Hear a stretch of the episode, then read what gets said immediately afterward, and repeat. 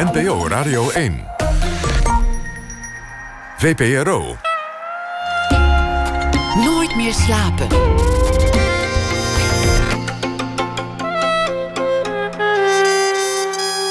Met Pieter van der Wielen. Goedenacht en welkom bij Nooit meer slapen. Alles tot, wat tot voor kort zo gewoon was. Grote steden, dichtbevolkt, een uitgaansleven, mensen op elkaar gepakt, drinkend, dansend, pratend, het leven kortom. Onderwerpen die ineens in het oog springen kijkend naar het werk van Raquel van Haver, die tegenover mij zit, kunstenares.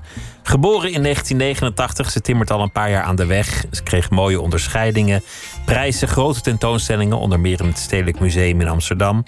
Het zijn reusachtige doeken, dikke lage verf, bijna als een landschap, veelkleurig, verhalend, soms schreeuwend. Hare voormalige majesteit, hoe zeg je zoiets, prinses Beatrix, kocht al vrij vroeg een werk van haar. En uit handen van koning Willem-Alexander kreeg zij een hoge onderscheiding. Het zijn dus grote doeken, luidruchtig. En dat staat in contrast tot het tempo waarin ze werkt, soms maanden aan één schilderij. En het gaat over steden in Latijns-Amerika, in Afrika. Soms na maanden onderzoek ter plekke. Ze leert de plek kennen, de mensen, de verhalen. En dan eenmaal aan de tentoonstellingswand vallen meer de overeenkomsten op dan de verschillen. In deze coronatijden zet ze zich ook nog in voor een mooi cultureel leven hier in Nederland. Middels het jubilerend platform Hart Hoofd. Hart Hoofd dat bestaat vijf jaar. En er komt een soort benefiet. En zij heeft dit keer daarvoor juist kleine werken gemaakt op A4-formaat. Raquel, hartelijk welkom. Leuk dat je er bent. Dankjewel. een, uh... Jouw, jouw werken gaan precies over alle dingen die we nu zo missen. Over Ja. steden, over uitgaan, over Erg. dansen, samen zijn, dicht op elkaar wij, wij zijn ook nu heel erg samen. Er staat een wand tussen ons. Ja, dat, dat- daar moet ik nog steeds een beetje aan wennen. Alsof het een loket is. Ja, Alsof een van ons de ander iets moet geven of niet. echt hè? Wel heel apart dit. Nee, maar het, is ook zo. Mijn werk gaat over het samen zijn, het socializen van mensen. Hoe groepen bewegen, hoe mensen bewegen, hoe een stad vibreert. En dat, dat is opeens stilgevallen. En dat is heel, heel raar om dat zo, zo ja, als een schouwspel bijna voor me te zien gebeuren. Hoe gaat het met jou mentaal gezien nu? Oh, In hoeverre goed. heb jij, heb jij te lijden onder deze crisis? Eh, Ehm, Maakt het je lethargisch? Maakt het je moe? Verdrietig? Nee, juist niet. Nee, ik, ik ben altijd alleen in de studio. Dus dit is eigenlijk wat ik dagelijks meemaak. Ik, ik ben alleen, ik zit alleen. Ik je, werk je leeft alleen. al een soort kunstquarantaine. Ik, ja, ik, ik, ik ga naar mijn studio. Ik zit daar twaalf uur. Ik ga eten maken en ik ga slapen en ik sta weer op en ik ga schilderen. En dat is eigenlijk mijn dagelijkse ritme voor, nou weet ik, van een half jaar tot langer.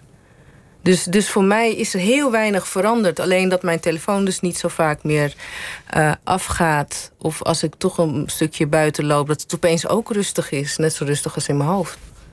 En heb je momenten van wanhoop dat je denkt: misschien blijft dit wel zo, misschien verandert de wereld, de toekomst doemt op en hij is grijs of zwart of duister? Ehm, ja, zeker dat het gaat veranderen. Ik hoop ook wel dat het op een of andere manier gaat veranderen. Ik hoop dat, het, eh, dat we wat bewuster worden. En eh, ja, we spraken net eigenlijk ook al over kunst kijken. En ik hoop dat mensen ook bewuster worden van het kijken om zich heen, het observeren. Het, het- we- we- ik hoor van iedereen om me heen van: oh, wat is de lente opeens mooi dit jaar? Nee, het is altijd zo mooi. Maar nu opeens, om, door de rust, heb je tijd om ernaar te kijken. Nu kijk je pas, Ja, want het is helemaal niet zo'n hele mooie lente. nee. Hij lijkt mooi omdat je rust hebt. Daarom, dus, dus in die zin dat mensen nu anders gaan kijken en misschien bewuster worden van bepaalde dingen, dat ze zich ook op andere manieren gaan inzetten. Ik hoop dat, ja, dat, dat deze periode de- ons een beetje bezinning daartot geeft. Maar voor de rest is het zeker geen mooie, mooie lente, nee. Op sommige momenten vraag ik me af: heb ik dingen niet voor lief genomen? Al die jaren. En maar racen naar een, naar een theater of een, of een museum. Naar het volgende restaurant. Het was allemaal geweldig. Maar het, het ging snel. En dan, dan ga je door een museum en dan zie je het ene doek na het andere. En naar de volgende en naar de volgende. Ja. Nog geen minuut per doek. Heeft iemand een jaar aan gewerkt. Meesterwerken. Leonardo da Vinci. En hop, de volgende. Ja. En door. Ja. En zo keken we allemaal een beetje kunst volgens mij inmiddels. Ja, we konden met één vingertje konden we het weg eh, pushen eigenlijk. En dat Alsof we aan het scrollen waren ja, in het museum. dat waren we ook. Zo, zo, zo, zo verteren we eigenlijk ook onze informatie. Kijk, voor mij is het, het, het, het werken, het kunst maken, dat daar gaat, of een schilderij maken, daar ben ik jaren mee bezig. Eigenlijk met het idee, met het produceren. Het tempo ligt ook heel traag. Dus ik vind het ook heel fijn om specifiek voor één werk te gaan. En dan kan de rest eigenlijk, maakt het me ook helemaal niet uit. En daarvan te kunnen genieten. Maar ik doe het ook. Ik, vind het, ik ben ook een, uh, ja, ik consumeer ook kunst zoals iedereen consumeert. En dat is alleen maar, we zijn gewend aan reclames. Nog meer, nog meer. Nee, ik wil dat, ik wil dat, ik wil, ik wil kleding. Ik wil, we willen van alles. Maar we kunnen in één seconde een plaatje doorgronden. Denken we. Kan jij dat? Nou ja, je ziet iets op Insta en door. En je denkt, oh ja, ik snap het wel. Ja, maar Insta Henk, Henk is naar het strand geweest. Het Ja. was mooi weer. Henk was gelukkig door. Ja, maar stond dat eronder? Het plaatje, een plaatje kan snel spreken. Kan, maar je zegt het ook goed, het plaatje. Je, je, je, hebt- je, je, je hebt een bepaald soort werk dat iets meer zegt. En je hebt klein posters, plaatjes, dingetjes. En vaak komen dan op, op, op de reclame uit. Want jij maakt liever verhalen. Jouw schilderijen zijn geen plaatjes, zijn niet een, een snapshot. Jouw schilderijen, verhalen, vertellen zijn episch. Ik denk dat mijn werk meer theatraal is. Ja. Dat, dat er zoveel. Je, je moet echt wel de tijd nemen om te begrijpen wat er gebeurt. En ook de doorgrondende lagen. Ja, omdat er zoveel lagen op zitten. Maar er zitten ook heel veel verschillende lagen qua verhalen in. En daar heb je gewoon echt tijd voor nodig. En dan vind ik het fijn als je gewoon lekker ervoor gaat zitten. En af en toe terugkomt. En, en, het begint te begrijpen. En waarom moet je dat allemaal in één keer begrijpen? Het mooiste moment in een museum was als je moeie voeten kreeg na zoveel zalen. En dat je dan ergens een bankje zag en dan ging je zitten voor een doek dat je niet had uitgekozen. In een rustige zaal. En dat zijn meestal de oude doeken waar het rustig is. En dan, dan die renaissance doeken waar dan een heel verhaal wordt verteld. Iets bijbels of soms een veldslag. En, en dat er honderden dingen gebeuren op zo'n reusachtig werk. Ja, En daar doet jouw werk me soms aan denken. nou, dank je. Dat vind ik een compliment. Is dat iets dat jou interesseert? Ja, dat, zulke, zulke doeken zijn zeker wel een hele grote ja, inspiratiebron. Vind ik zo'n rotwoord. Maar het, het, het is wel echt iets wat me triggert. Voor, voornamelijk omdat het. het ehm, ik zie mijn doeken qua opzetten ook als een soort van theater. Dit zijn ook theaterstukken. Het is bijna filmisch. Het speelt zich af voor de ogen van de toeschouwer. Het licht gaat aan, het verhaal begint, iemand komt op, iemand gaat Het af. is heel theatraal, maar ook qua licht, qua lichtinval, qua, qua grootte, qua geweld. Qua, je hoort bijna eigenlijk een koor eronder zingen. Hoog en laag en wild en dus een storm of weet ik veel. Maar er is zoveel emotie in zo'n werk. En dat vind ik zo knap eigenlijk dat iemand dat kan. Met zo weinig middelen. Eigenlijk alleen maar een penseel en wat, wat kleurstof en wat olie er doorheen. En iets om op te schilderen. Dus vrij weinig. Het is heel simplistisch eigenlijk. In die tijd was dat de manier waarop je iets ging vertellen. Ja. Bij gebrek aan bioscoop of, of wat dan ook, Ja, maar- moest, moest je eigenlijk zonder bewegend beeld een heel verhaal vertellen en dan liefst in één doek. Ja, ja. Ja, kijk, we, we hadden een aantal manieren om te spreken, een aantal talen, laten we het zo zeggen. We hadden dus de beeldtaal, maar we hadden ook zang, theater. En, en, en dit was vrij snel en vrij makkelijk ook om plaatjes weer te produceren, om, om informatie door te geven. En die informatie, ja, het ligt eraan hoe je het wil vertellen. Wil je vertellen dat er een, weet ik veel, een beker op tafel staat? Of wil je vertellen welke kleur die beker is en dat er nog iets op staat en, en dat, dat er misschien wat in zit? Dus eh, ja, hoeveel informatie wil je kwijt? En ik denk door al die vele informatie die we kwijt willen graag als mensen, want we willen graag communiceren, dat mer- merkt iedereen nu. Iedereen wil nu op een of andere manier met elkaar gaan praten de- tijdens deze coronatijd. Dus, dus daar komt heel veel dramatische en interessante ja, ja, verhalen, combinaties in. Maar dit, is dit altijd jouw taal geweest? Het schilderen, het tekenen, het, het maken van ja. beeld? Ja. Ja. Ik, ik kan me... God, ik was super jong, ja. En ik, ik was altijd aan het tekenen. En altijd verhalen aan het uittekenen. En hele ideeën bij liedjes die ik hoorde. Helemaal, ja, het waren altijd sprookjesverhalen. Geen idee waar ik dat had opgepikt. Waarschijnlijk eh, de Efteling of zoiets. Maar goed, vanaf kleins af aan was ik altijd bezig met, met, met tekenen. En hele verhalen. Ik kon alles erin. Het was toen al verhalend. Ja, heel verhalend. Het was wel voor een, weet ik veel, een vierjarige, vijf, zesjarige zo verhalend als het kon zijn. Maar ik kon me echt alles kon ik erin gooien. Want, want jij bent dyslectisch. Ja. Heeft, heeft dat een grote invloed gehad op, je, op je leven? Ja. ja ik, ehm, ja, ik, ik ben gewoon super slecht met, met taal. Of nou, niet super slecht met taal. Dat klinkt ook heel raar. Maar woorden gaan dansen. Ehm, ja, ik, ik, ik, ik kan wel zeggen dat ik woordenblind ben. Op, op, op zo'n manier. Maar, maar aan de andere kant merk je ook wel, omdat je dyslectisch bent, dat je op een andere manier ehm, dingen gaat invullen. Op andere manier of structuren of systemen gaat vinden om jezelf toch wel hetzelfde aan te leren wat iedereen ook doet. Ehm, dus ik had misschien wel iets meer moeite met het lezen of het leren, maar dan deed ik gewoon twee keer harder mijn best. Waardoor het wel lukte. Maar je merkt ook gewoon, omdat je dyslectisch bent, ben je ook beeldender iets sterker. Dus Bijna een soort compensatie. het, het werd een hele grote compensatie voor mij. Dus voor mij, wat ik tekort heb aan eigenlijk het, nou, laten zeggen, het schrijven, het lezen, dat pak ik weer op met, met tekenen.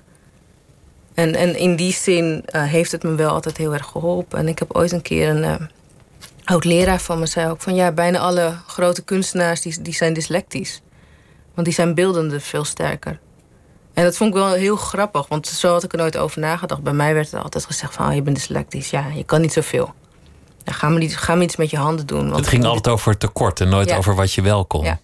En, en tekenen was altijd een soort compensatie, dus het ging nog steeds over tekort. Ja, ik heb uiteindelijk de kunstacademie... of in ieder geval bedacht dat ik die ging kiezen... omdat ik toch niks anders zou kunnen, dacht ik. Bijna een negatieve keuze.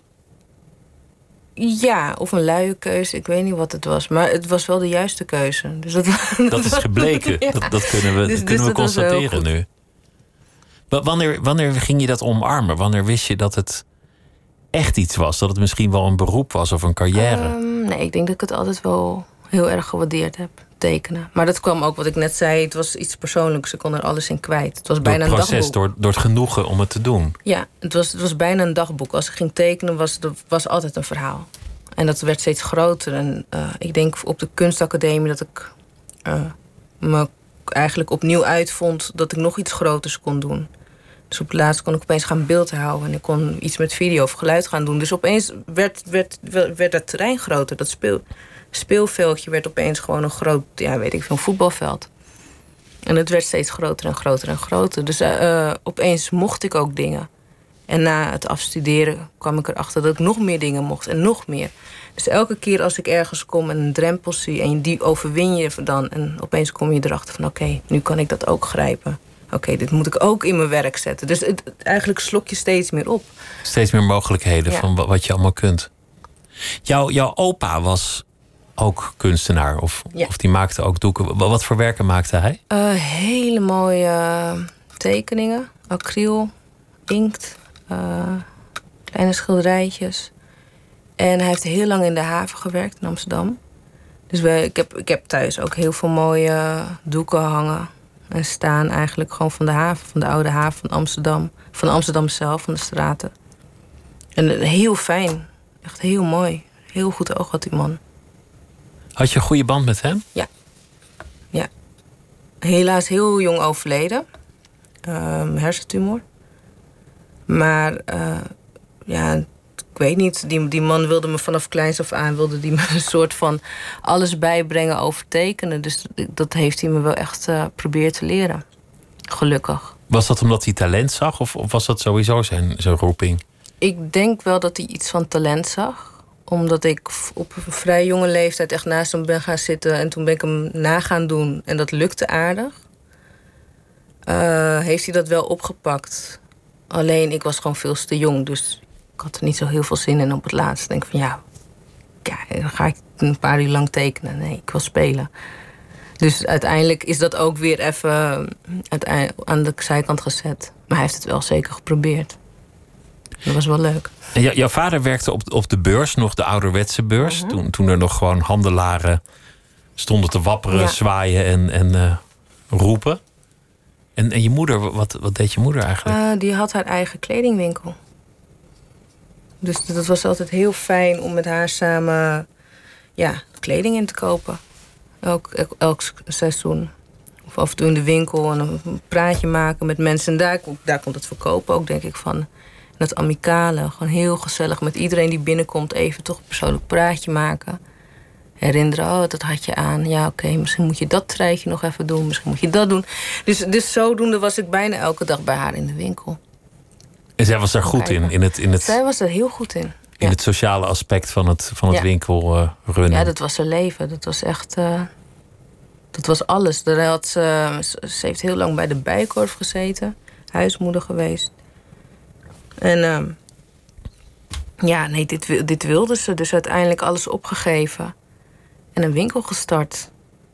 En zonder enig papier of opleiding gewoon gestart. En dat liep echt heel goed. Dus uiteindelijk, ze, ze, ze woonde dan eh, in Horen. Maar ze kregen dames uit, weet ik veel. En daar was ze altijd heel trots op. Uit Lelystad of weet ik veel. Die kwamen altijd speciaal voor het winkeltje. Omdat het zo gezellig was. Dus dat, ja, daar was ze gewoon trots op. Dat is heel mooi. Hoe hebben ze jou grootgebracht? Wat, wat voor opvoeding was dat? Wat, wat was belangrijk? Ehm, wat was belangrijk, god. Ehm, Hebben ze je waarde meegegeven? Ja, dat wel, zeker.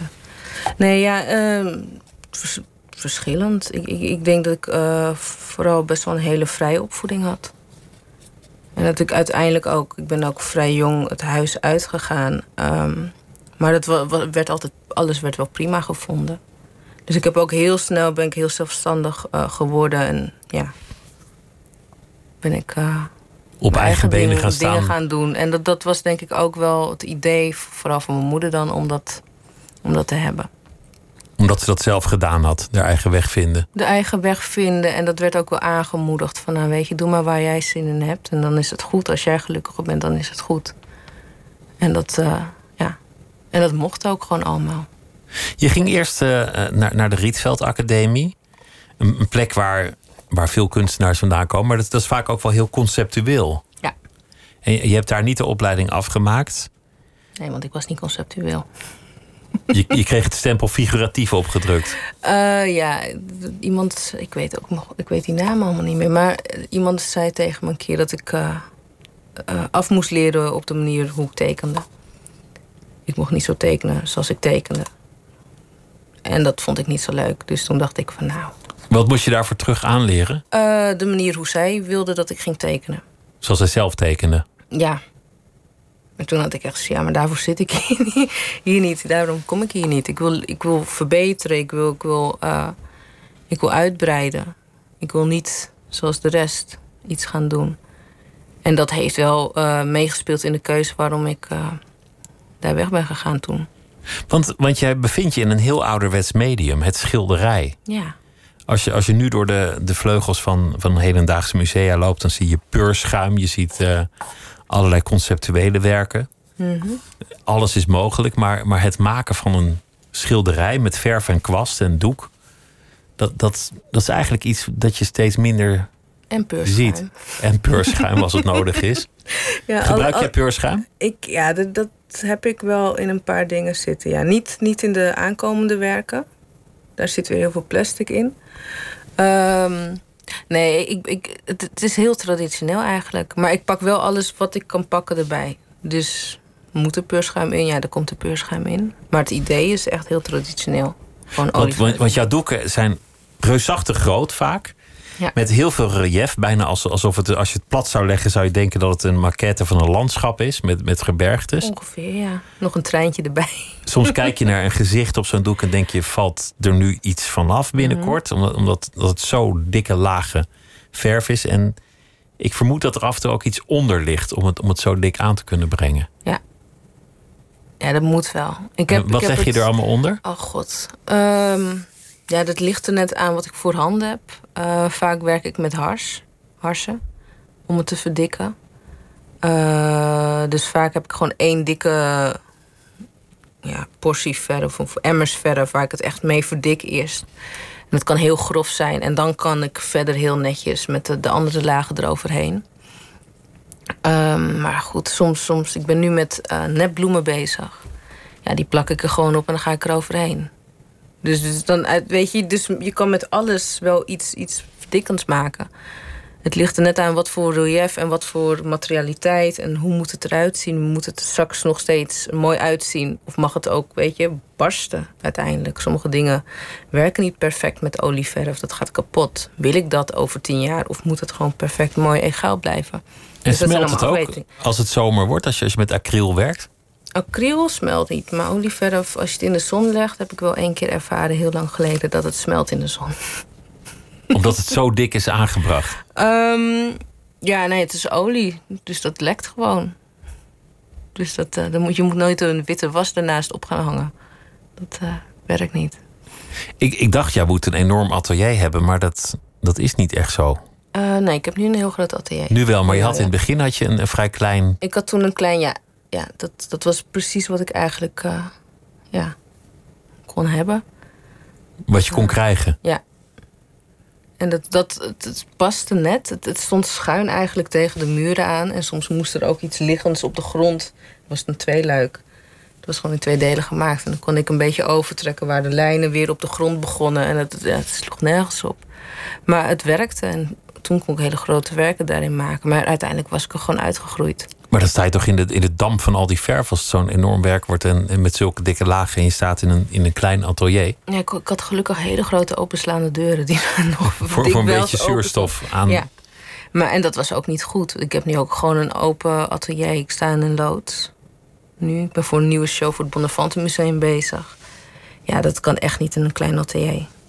En voor het stedelijk ook eh, echt heel erg eh, blij met de hulp van het Nationaal Opera Ballet Decor Atelier. Want daar heb ik toen dat grote werk mogen maken.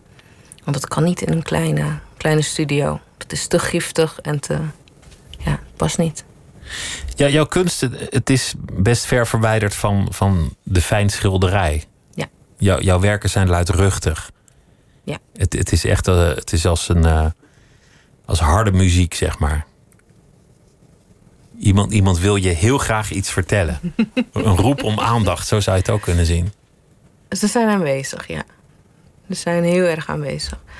Ehm, soms zo aanwezig dat het niet stoort. In ieder geval voor mijn gevoel. Dan, dan is het er gewoon. Maar dan, omdat het te druk is, word je niet ehm, gepakt in één keer. Door hetgeen wat het wil zeggen. Eh, het kan net zozeer, dat heb ik dan, een, een drukke winkelstraat zijn. Je kan, je kan je heel erg afzonderen in een drukke winkelstraat. Soms dan, dan is het gewoon een massa dat aan je voorbij gaat.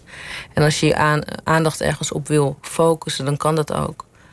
Zo, zo ervaar ik mijn werk heel vaak. Een drukke omgeving waarin je ook rust kunt vinden. Ja. ja. En dan daar, dat, daar zitten vaak die lagen ook in. Omdat ik speel met verf, ik speel met eh, nephaar. Soms zie je krijttekeningen eronder. Het is net eigenlijk waar je je op wil focussen. En sommige dingen zijn gewoon heel druk. Dus andere dingen die zijn zo fragiel bijna. Die vallen bijna weg in het geheel. Maar die houden het wel het geheel erg staande. En wat is het langst dat je ooit aan één schilderij hebt gewerkt? Ehm, ik denk dat ding in stedelijk, die grote. eh halfjaartje was dat, zoiets. Per doek. Dat was, ja, dat was één doek. Dat was een ja, een half jaar, denk ik, misschien iets langer. En dan is het twaalf uur per dag. Elke dag twaalf uur lang Ongeveer. werken aan één schilderij. Ja. Er gebeurt ook heel veel in die, in die werken. Ook emotioneel gebeurt er heel veel. Ehm, Er wordt veel verteld. ja. En ik vind het fijn als het groot is, want dan, dan kan je juist heel erg emotioneel, eh, je kan heel veel emotie uitdrukken. In een klein werk kan ik op, de, op een of andere manier kan ik dat net niet goed eh, benadrukken. Dus hoe groter, hoe beter, hoe theatraler. Is bijna alsof ik zelf het toneelstuk speel. Zo voelt het dan ook som- soms als ik aan het schilderen ben. Ehm, ja, en dan heb je wel echt eh, zes maanden nodig. Ik begon ermee dat, dat je werk gaat over steden. Mhm.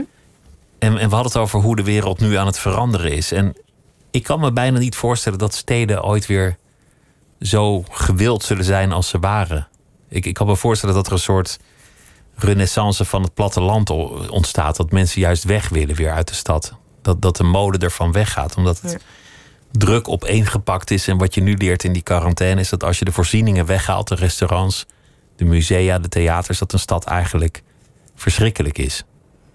Dat je er niks te zoeken hebt. Ja en nee, het ligt er net aan. Kijk, ik, ik denk sowieso dat de steden, of wij zijn overgenomen uh, door een soort van kapitaalsysteem. We, we willen geld maken, we willen groter, beter, we willen meer reizen. En voor een groot deel zou het waar zijn dat mensen teruggaan naar, naar het platteland. De mensen die het kunnen betalen.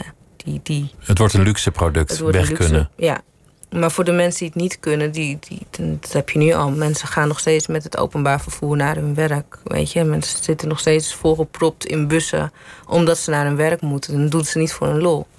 Dus voor deze mensen is het een noodzaak om dicht bij hun werk te zijn en uh, dicht bij het geld te zijn, omdat ze sowieso ja, monden moeten voeden. Dus ik denk dat het een luxe product gaat worden. Ja. Wegkomen uit de stad wordt, wordt een luxe. Ja. En armoede wordt dat je nog. Je ziet nu ook hoe, hoe armer de buurt, hoe minder corona-proof de buurt is. Uh, ja, of niet. Het kan, kan ook een, een, een buurt zijn waar niemand binnenkomt. Dus het kan ook heel erg zo, dat, dat sociale afgesloten, afgesloten zijn. ja. Dus het ligt er net aan, uh, gaan mensen veel naar buiten, reizen ze veel, nemen ze dingen mee naar binnen, of, of zijn ze heel erg op zichzelf en blijft de buurt de buurt. Wat is jouw fascinatie voor, voor steden? Want, want veel van jouw werk gaat daarover. Um, nou, ik heb heel lang een fascinatie gehad voor groepen. En het begon eigenlijk uh, met groepen jongeren. Hoe bewegen deze groepen jongeren met elkaar? Hoe zijn ze onderling? Uh, hoe praten ze onderling? Uh, weet je, hoe is de hiërarchie precies? Um, en uiteindelijk is dat toch meer gaan vormen naar steden, naar, naar stedelijke ontwikkeling. Uh, wie zit waar en wie doet wat en wat, wat herkennen wij overal. In elke stad zijn er altijd wel een paar herkenningspunten voor iedereen die uit een stad komt. Uh, bepaalde gedragscodes. Of, uh, bepaalde... Noem eens iets, noem, noem eens voorbeelden ja, elke stad heeft wel een, een, uh, een, aantal wijken die je in elke stad terugvindt. Er is altijd wel een binnenstad, er is altijd wel een, plek. Een zakencentrum, een uitgaanscentrum. Ja, allemaal. En, en als je uit een stad komt, kan je vaak, net zoals je uit een dorp komt, kan je makkelijker op een plek die een klein beetje op de jouwe lijkt, kan je jezelf beter verder profileren. En zo ook in de stad. En ik vond het heel interessant dat je overal, dat mensen overal ongeveer hetzelfde doen. Op een totaal andere plek. Want je, ging naar Colombia, je ging naar Nigeria, je, je ging naar uh, Cuba. Nou ja, allerlei totaal verschillende landen. Verschillende plekken. En, en daar verdiepte je echt grondig, langdurig in, in die steden. Want, want je bent in, in Lagos, geloof ik, drie maanden geweest of zo. Ja, ja ik, ben, ik kom ook echt net terug uit Colombia. En daar heb ik ook echt nou, heen en weer een half jaar gezeten. Dus samen met U van de Wolf uiteindelijk zijn een documentaire aan het maken. En dit is dan voor het nieuwe project uh, voor het Bonnafante Museum en Breda Foto. En um, ja, het ik, ik probeer me gewoon vast te bijten bij in, in het onderwerp waar ik over wil schilderen. Dus, dus dit, dit gaat dan over sociale leiders, vrouwelijke sociale leiders, die uh, op dit moment en al een tijdje lang uh, niet zo heel veilig staan, geen veilige positie hebben. Er worden er heel veel vermoord omdat ze doen wat ze doen. En dat ze eigenlijk opkomen voor de jeugd, voor de natuur en voor de toekomst. Maar dat willen een aantal mensen niet, dus worden ze geliquideerd. En ik was heel erg um, nieuwsgierig naar hun status, naar hun verhaal. Maar ook wat mijn verhaal daarin is als geadopteerde Colombiaanse. Dus het was een soort van zelfonderzoek, reflectie. En een soort van onderzoek naar de geschiedenis van mijn, het land waar ik vandaan kom. Want, want je hebt daar nooit echt gewoond. Je bent, bent hier nee, opgegroeid. ik ben heel jong uh, daar, hier naartoe gekomen, ja. En, en later daar naartoe gegaan. Ja. Maar, maar hoe verdiep jij je dan in, in zo'n onderwerp? Welke ingangen vind je dan? Um, ik had het geluk dat ik een uh, vriend van me uh, woont en werkt in, in Colombia, een Colombiaans man. En hij heeft een stichting, uh, Adjara. En zij werken al bijna 30 jaar werken ze met sociale leiders. En focussen zich op uh, sociale projecten. Dus die had ook gezegd van weet je, kom hier naartoe. Want ik was zelf heel leuk op internet aan het zoeken van nou, wat is er nou aan gaande? Nou, dan kan je niks vinden. Kom je allemaal bij NGO's rapporten en alles gaat goed en iedereen helpt elkaar. En mensen zijn heel blij. Nou, het slaat natuurlijk nergens op. Dus uiteindelijk zei hij van kom hier en je mag mijn netwerk gebruiken. En vanaf dat moment, uh, ik heb daar een assistente gekregen zijn we gewoon gaan rondreizen. Zijn we naar deze sociale leiders gegaan. En die hebben hun netwerk weer opengesteld voor ons. Dus uiteindelijk waren we van netwerk naar netwerk aan het gaan. En ja, brachten we allemaal informatie samen. Dus we hadden elke dag hadden we iets van acht interviews met verschillende vrouwen. Verschillende projecten. En toen weer teruggegaan om ons verder daarop te gaan focussen. Bepaalde mensen uit te lichten. En uiteindelijk kwam je verhalen tegen waarvan je dacht van oké, dit, dit klopt. Je wist nog niet precies wat je aan het zoeken was, maar het klopte in het verhaaltje wat je wilde gaan vertellen. En uiteindelijk, ja, nou, nou honderd keer daar geweest te zijn, hadden we, had ik genoeg. Uh, in ieder geval voor deze show. En wat voor materiaal maak je? Maak je foto's of, of opnames of alles, tekst, tekeningen? Alles, echt. Voor, voornamelijk uh, opnames, dus video en geluid. Omdat ik, mijn Spaans is niet nou het allerbeste. Dus je zit in een gesprek en je kan moeilijk zeggen van... wacht even, ik snap het niet. Dus ik neem het sowieso altijd op. En dan kan ik het later nog even terug luisteren. En het, het gaat vaak gewoon dat één persoon me fascineert. Er zijn een aantal vrouwen daar die me heel erg hebben gefascineerd... in, in hun kracht, uh, in wat ze gedaan hebben, in hun verhaal. Waarvan ik dacht van oké, jou moet ik gaan volgen. Ik wil iets met jouw verhaal doen. Ik wil dat mensen jouw verhaal leren kennen. Uh, dus gevraagd van mag ik volgende keer terugkomen? En dan blijven we gewoon lekker een tijdje bij je. En dan volg ik je en dan ga ik gewoon schilderijen van je maken of tekeningen. Nou, dat vinden de meesten ook wel leuk, interessant. Dus heel documentair werk je dan? Ja, ja. En uiteindelijk als ik voldoende informatie heb waarvan ik denk van nou, dit is relevant en ik uh, weet nu voldoende over deze persoon om ook echt over deze persoon te schilderen. Uh, dat het bijna dat het geloofwaardig wordt. Niet dat het gewoon even snel een plaatje is van iemand en dan een verhaaltje erbij. Maar dat het echt wel iets, iets dieper gaat dan dat. Uh, dan kan ik terug naar de studio gaan. En dan ga ik schetsen. En dan ga je aan het werk om dat te vertellen. Ik, uh, en wat voor verhalen zijn dat die, die jou dan raken en fascineren? Uh, nou, er is één dame, Joanna uh, Maturana. Ze is een transgender vrouw. Um, en die, uh, ze heeft heel lang. Ze is, ja, ze is eigenlijk nu een soort van vertegenwoordiger van uh, transgenders in Colombia. Ze heeft echt heel lang uh, gestreden om eigenlijk alleen maar de status vrouw te krijgen. Het, de acceptatie in Colombia gaat, zei ze, was makkelijker voor haar dan bij de ja, ja, naar, de gemeente gaan en zeggen van... hé, kan je mijn paspoort veranderen? Dat werkte niet zo. Uh, dus dat, daar heeft ze echt heel lang voor moeten strijden. En nu is ze eigenlijk... Ze woont zelf um, in de regio van Choquenquipto, de hoofdstad. En ze probeert daar eigenlijk transgenders te helpen... met eigenlijk alle vragen die ze hebben, met hun reis. Uh, ze probeert naar uh, dorpjes te gaan die helemaal buiten gesloten liggen... om daar ook eigenlijk advies te geven aan mensen. En soms moet ze, wat ze zegt zelf ook, van ja, weet je, als je over de rivier gaat, het bos is niet meer van, uh, van het bos zelf. Allemaal NGO's zitten er, troepen zitten er, groepen zitten er en de meeste zijn gewapend. En als je langs hun stukje grond vaart, kan, ja, kunnen ze nog wel eens op je gaan schieten. Maar ze vindt het zo belangrijk om dan naar het dorpje te gaan. Om daar juist een aantal mensen te spreken, om te helpen. Dat ze altijd in een boot zit met vier mannen met wapens. En dan vaart ze eigenlijk naar die dorpen toe om met die mensen te praten. Om ja, advies te geven, informatie te geven. En zo gaat ze van dorp naar dorp naar dorp naar dorp. Omdat haar noodzaak ligt zo erg van... ja, weet je, ik ben er doorheen gegaan. Ik weet hoe moeilijk het is. En ik had niemand die me wilde helpen. Dus ik wil diegene zijn voor iemand anders. En veel van dit soort vrouwelijke leiders laten ook het leven. Ja, en dat vaak omdat dan bepaalde groepen of mensen in de buurt het niet heel erg mee eens zijn dat ze daar zitten. Um, je hebt heel veel vrouwelijke sociale leiders die, die werken met vluchtelingen, veel vluchtelingen uit Venezuela. Um, vrouwen die uh, vooral jongeren in wat moeilijkere buurten proberen te begeleiden. Waar, waar ook bepaalde mensen het niet mee eens zijn. Of het gewoon uitspreken tegen NGO's die bijvoorbeeld uh, ja, de illegal mining uh, sponsoren. Ja, en dan, dan, als, je, als je dan de verkeerde tegen het lijf loopt, dan gaat het wel eens mis daar. In gesprek met uh, Raquel van Haver, zij is kunstenares.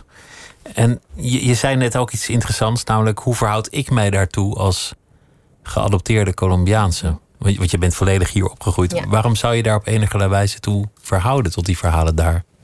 Hm. Omdat ik toch wel vind dat. Um, hoe dan ook, het is een onderdeel. van me, ook al weet ik er niet heel veel van. En ik wilde dat het ook een onderdeel van me zou zijn.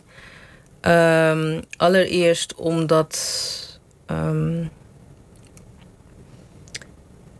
eh, als ik in Colombia ben, heb ik toch wel altijd het gevoel van er ligt heel een klein stukje van mij hier. Toch iets. Er ligt iets. eh, weet je, er- wordt altijd onderscheid gemaakt, ook als je Nederland bent, of je een Colombiaans-Nederlandse bent. Of een dus wat ben je eigenlijk? Nou, je hoort honderdduizend keer toch wel dat ik iets Colombiaans in me heb. Nou, dan vind ik ook wel dat ik het voorrecht heb om misschien terug te gaan om te kijken wat dan mijn voorrecht is. Ehm, uiteindelijk kwam ik daar ook en eh, door de gesprekken met al deze vrouwen die heel blij waren dat ik terug was, was gekomen. En dat vond ik ook heel wonderlijk. Ehm, dat ik vaak te horen kreeg van dankjewel dat je terug bent gekomen en nu kan je iets terug doen voor je land. Je bent er lang niet geweest, maar nu kan je laten zien dat je, dat, dat je het wel meent. Dat is misschien dan bijna een soort plek die jij hebt gekregen van nature.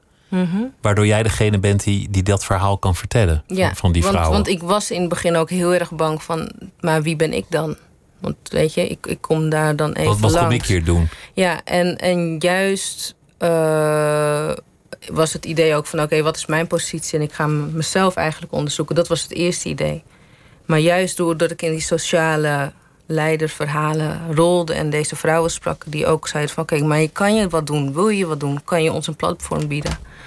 Eh, hebben we met z'n allen allemaal ideeën bedacht van... oké, hoe gaan we dat doen? Dus bij de een werd het workshops geven. Bij de ander... eh, was het nou, ik een hele mooie dame gevonden die, die is gaan zingen, hebben een eh, samenwerking gedaan. En die komt ook weer terug straks in de show. Dus eigenlijk iedereen zijn verhaal zit ook nu in de show, waardoor we ook weer dingen terug kunnen geven straks aan hun. Dus, dus het, werd een, veel meer dan alleen maar even een bezoekje en een foto nemen. Je kwam niet halen, je kwam Nee. ook brengen. nou, brengen, nee. Ik, ik, ik, kwam, ik kwam daar gewoon om te kijken. Om, om vooral voor mezelf persoonlijk te kijken. Ehm, maar uiteindelijk ontstond er wat, weet je. Soms on- ontstaat er gewoon vriendschap. Dan, dan kom je niet om iets te halen of te brengen. Je komt daar toevallig en opeens ontmoet je iemand en het klikt. En zo was dit ook. Er ontstond een vriendschap of vriendschappen. En deze vriendschappen, die, die hopelijk zullen nog heel lang duren. Je bent ook in, in Nigeria geweest, waar je op dezelfde manier heel lang gangs volgde, bendes. Ja. Je, je protesteert een beetje tegen het woord, omdat bendes, dat is hoe ze meestal geportretteerd worden door, door mensen. Maar jij, jij bracht eigenlijk ook andere lagen naar de Ja, oppervlakte. het, het, het was eigenlijk... Ik, ik eh, ontmoette een dame daar en daar raakte ik heel erg gefascineerd door. En zij leidde weer zo'n bende. Dus uiteindelijk door haar ben ik weer in zo'n bende gerold. Ehm, maar het, de, de serie zelf ging over haar leven. En daar hoorde deze bende bij. Maar ben jij niet, niet bang of bevreesd op momenten dat je daar rondloopt en, met die mensen uitgaat en in clubs komt waar, waar de meeste vrouwen die daar verder rondlopen prostituee zijn of op een andere manier gelieerd zijn aan, aan wat, wat daar aan het gebeuren is? Ehm, ja, ik, ik ga sowieso niet ergens eh, naartoe als ik niemand ken. Dat is echt een no-go. Ik denk, ook niet dat het zo slim is. Nee, dus ik ben altijd wel echt met een, een ja, iemand die ik vertrouw. Die ik kan vertrouwen, een vriend. Ehm, en dan is het gewoon, weet je... Als ik bij jou thuis bijvoorbeeld te gast kom... ga ik geen gekke dingen doen, want dan hebben we een probleem. Eveneens als je bij mij thuis te gast bent, dan ga je ook geen gekke dingen doen. Dus zolang je gewoon elkaar respecteert en eh, elkaar in, in, ja, in zijn waarde laat, dan is het meeste wel prima. En ik weet ook dat mijn vrienden me niet naar plekken toe brengen waar ik gewoon echt, ja, niet echt super veilig ben. Daar vertrouw ik hun ook op. Dat zou ik ook niet bij hun doen. Begrepen zij jouw missie, wa- wat je kwam doen? Ehm, niet iedereen. Nee. Nee, en het ligt er ook aan. Kijk, de dame waarmee, eh, waar ik zo gefascineerd door was, die, die begreep het wel. Daar heb ik ook mee over, over gehad. En die heeft uiteindelijk ook die dingen gezien. Maar er, soms zijn er mensen die het niet begrijpen. Ehm, Die denken, wat kom jij hier doen? ja, en, en, en meestal stel ik me ook niet voor als de kunstenaar. Ik, meestal weet ik geen eens dat ik werk over ze ga maken. Als ik iemand ontmoet. Ik heb ook echt ge- eh, heel veel werk over mijn vriend, eigen vrienden gemaakt. En dan weet ik het ook niet. En dan zit ik ergens met ze en dan denk ik... oh, dit is een als die nou een beetje zo gaat zitten... En, die, en dan opeens begin ik iets te doen uit het niets... En dan gaat het balletje rollen. En dan misschien moet ik ze nog eens een keer vragen om terug te komen. Om nog een keer zo te gaan zitten. Omdat ik dan, dan begint het echt te komen. Dan ontstaat er een beeld en, en uiteindelijk een werk. Je hebt ook uh, muziek voorgedragen. En dat is uh, een New Yorks gezelschap dat jazz combineert met Latijns-Amerikaanse muziek. Mm -hmm. Met nou ja, eigenlijk van alles wat. En uh, dat heet Timbalaye van Los Hacheros. Ja.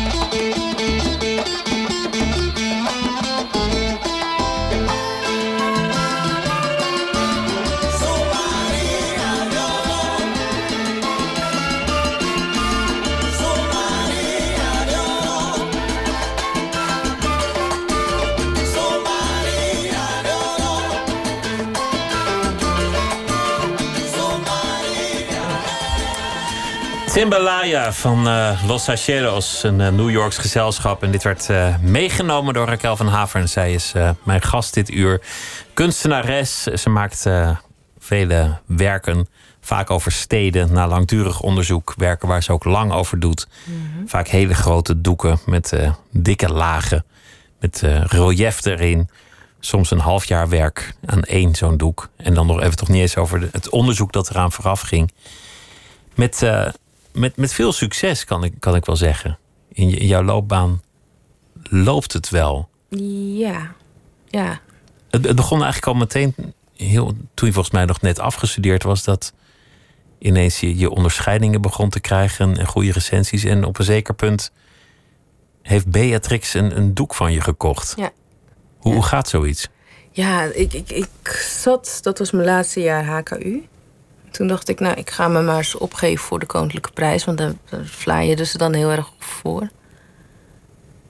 En uh, op een of andere manier werd ik, ging ik door. En toen, uh, ja, toen, toen mocht zij iedereen een handje schudden. En toen kwam ze zo ook bij mij. En toen uh, hoorde ik later dat ze het werk had aangekocht. Aangeschaft om ja. ergens, ergens op te hangen. Weet je waar het dan hangt? Nou, ik heb het er uiteindelijk uh, een soort van nog gevraagd. Ik, ik kwam er ergens anders nog tegen. Uh, toen waren we bij de voorstelling van Willem Kentridge. En uh, nou, uiteindelijk zagen we er. Maar dat, dat was allemaal. Nee. Ze gaat je niet vertellen niet. van, van het niet. hangt in de gang boven of, nee, of, of wat dan ook. Ik dacht misschien op de wc of zo. Het was echt perfect klein voor, om op het toilet te hangen. Maar nee. Maakt het dan uit? Helpt zoietsje in je, in je loopbaan? Uh, ik denk dat het uiteindelijk wel geholpen heeft, ja. Ik, ik, denk dat mensen vinden het heel interessant om toch over te praten van... oh, de koningin. Of nou, nu de prinses. En ik denk dat het toch voor, voor veel mensen toch wel ja, een soort van status of iets heeft gegeven. Zelf, zelf heb ik... Heb je dat gewoon, minder? Heb ik het minder. Ik vind het gewoon heel erg geweldig. En ik vond het gewoon een hele prachtige, mooie, lieve, warme vrouw. En ik ben blij dat mijn werk daar naartoe is gegaan. Um, maar op een of andere manier, ja, ik ben er heel slecht in om dat allemaal in perspectief soms te zien. In hoeverre werk je actief aan, aan je carrière? Want, want je hebt grote tentoonstellingen gehad in, in musea en er komen er nog een paar aan. Dan betekent dat op een gegeven moment dat, dat je ook een soort planning moet gaan maken, dat je een agent moet hebben of, of management of dat soort dingen. Ja. Hoe, hoe staat dat er nu? Um, ja, ik heb, ik heb een aantal galeries waar ik al een tijdje mee. Of ik heb nu uh, Jack Bell Gallery in Londen, daar werk ik nu al vijf jaar mee, bijna zes jaar. En dan Kerstgalerie hier in Amsterdam. En dan uh, Artco in Berlijn en Zuid-Afrika. Dus ondertussen, qua shows, zit ik ook met hun heel erg te overleg van wat kunnen we gaan doen. En ik vind het fijn om zelf dan de regie in handen te houden om individuele shows, dus ook met musea's aan te gaan. Uh, dus er zijn altijd wel dingen op de, in de planning en in de maak ook. En ja, mijn agenda die gaat twee jaar vooruit. Dus ik ben wel echt bezig met de volgende stap en de volgende stap en de volgende stap. En het zijn ook vaak dingen die ik gewoon leuk vind, die op mijn pad ja, die ik tegenkom. En wat ik in het begin ook zei, die ik nog nooit gedaan heb. Ja, en ik wil heel graag dingen uitproberen. Weet je, zo ook nu ook met wat we eerder zeiden, hard hoofd. Dat vond ik ook, ja, dat had ik ook nooit gedaan. Dat leek me ook leuk. En het, was, het is ook echt gewoon iemand, Mark dan van Harthoofd, die ik vertrouwde. Een heel goed gesprek mee gehad. Uh, hij, hij, deed een interview en toen gingen we er verder over praten. En ik vond het initiatief heel cool. En dan dacht ik van ja, waarom niet? Dan gaan we iets kleins maken. Want zij, zij bestaan vijf jaar ja. uh, dit jaar. Dat zouden ze groots vieren in, in maart. Het is een platform, eigenlijk een soort tijdschrift, maar dan zonder papier. Mm -hmm. gewoon, gewoon online. Maar ze doen ook veel meer dingen daarbuiten. Het is, het is een platform. En ze proberen op allerlei manieren de kunst aan de man te brengen of, of dingen te laten ontstaan. En ze zouden dat met een groot feest en festival vieren. Maar ja, toen kwam dat, dat rottige corona ertussen. Ja, maar het gaat door dus nu. En nu gaat het door. Het gaat in, in, wat voor vorm gaat het nu dan door? Um, nou, het, het, idee was in ieder geval om een aantal nieuwe verzamelaars aan zich uh, te binden. Mensen die Hardhoofd zouden steunen. Zodat zij eigenlijk de kunstenaars uit konden betalen die zouden op gaan treden. Of iets zouden gaan doen.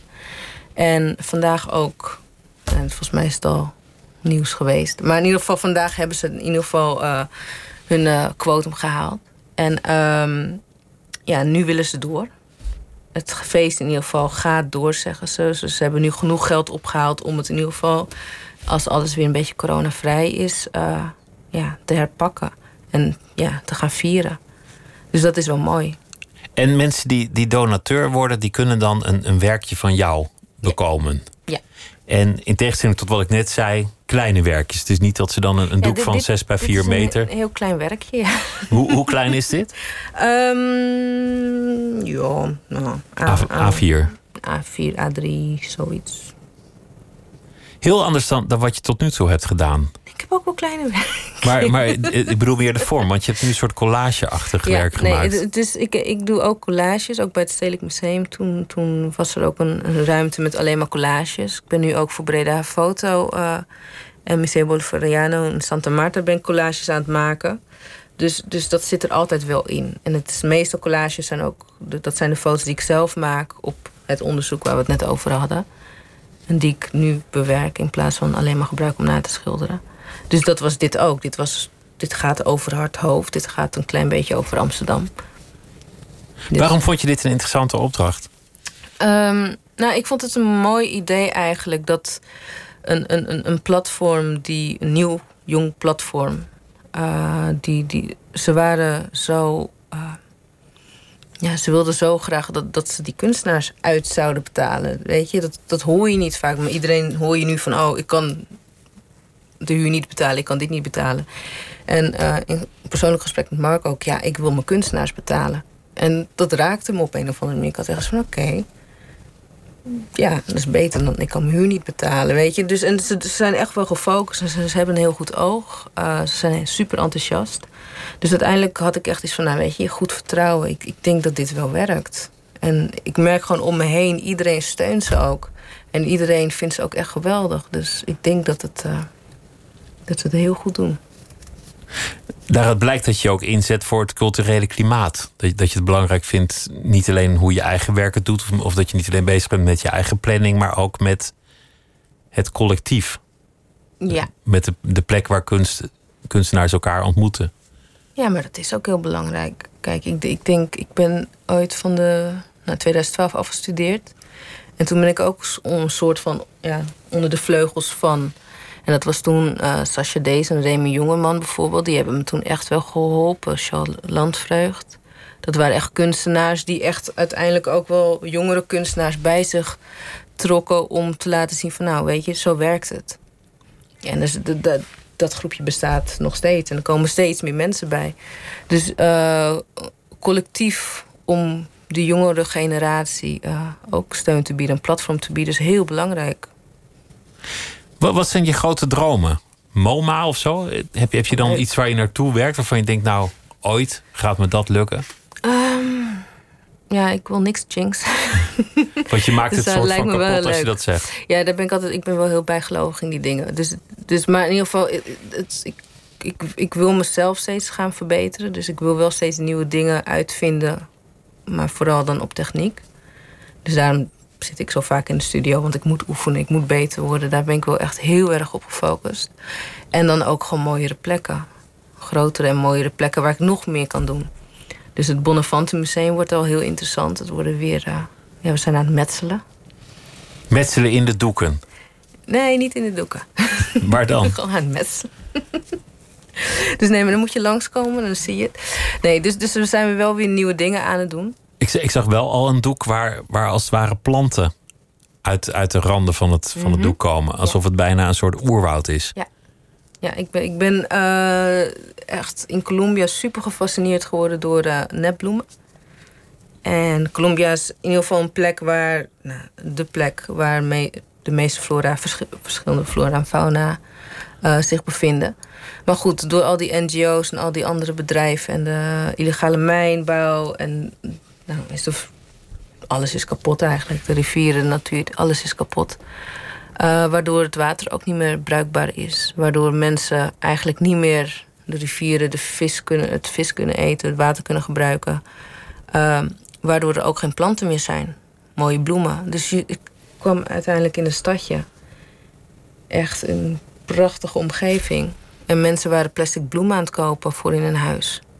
En dat, was, dat vond ik zo raar. Dus toen kwam die fascinatie van plastic bloemen, het neppen. Dat je in een land dat zo groen is, ineens plastic in huis gaat halen. Om het maar mooier te maken. Ik vond dat er zat zoiets schurends aan. Ik denk van, maar ja, laat, die rivier gewoon wat het is. Laat het weer bloeien, weet je. Dan krijg je vanzelf weer je bloemen terug. Maar nee, het moet, het moet nep. Het moet, dus daar, daar, dat, dat trok me heel erg aan. Dus uiteindelijk ben ik, juist met die plastic bloemen... ben ik nu nieuw werk aan het maken. En wanneer is dat te zien in het uh, Bonnefanten Museum? Oké, als ik het goed heb, want het is verschoven... Uh, de 27 september. Als ik het goed heb. Nou, dat zouden we toch nog wel moeten redden, 27 september. Ik hoop het. Laten we toch hopen dat dan alles weer uh, ja, ik, ik, open anders, is. Ja. En anders gewoon één voor één en gewoon de ruimte binnen. Kaartje kopen. Afstand houden. Echt, hè? Mondkapje voor. Nou ja, we zien wel. Komt allemaal wel goed. Ja, toch. Dankjewel dat je langs wilde komen. Ik wens je heel veel succes deze periode. En ook uh, daarna, Raquel van Haver, dankjewel. Thanks. En dit was uh, Nooit meer slapen voor deze nacht. En morgen dan is Deborah Kampert hier te gast. Oud-curator, documentairemaker en schrijver. En zij heeft een uh, boek geschreven dat gaat over het overgrootmoederschap. Dat allemaal morgen in Nooit meer slapen. En zo meteen kunt u luisteren naar Misha Blok in Miss Podcast. Een hele goede nacht.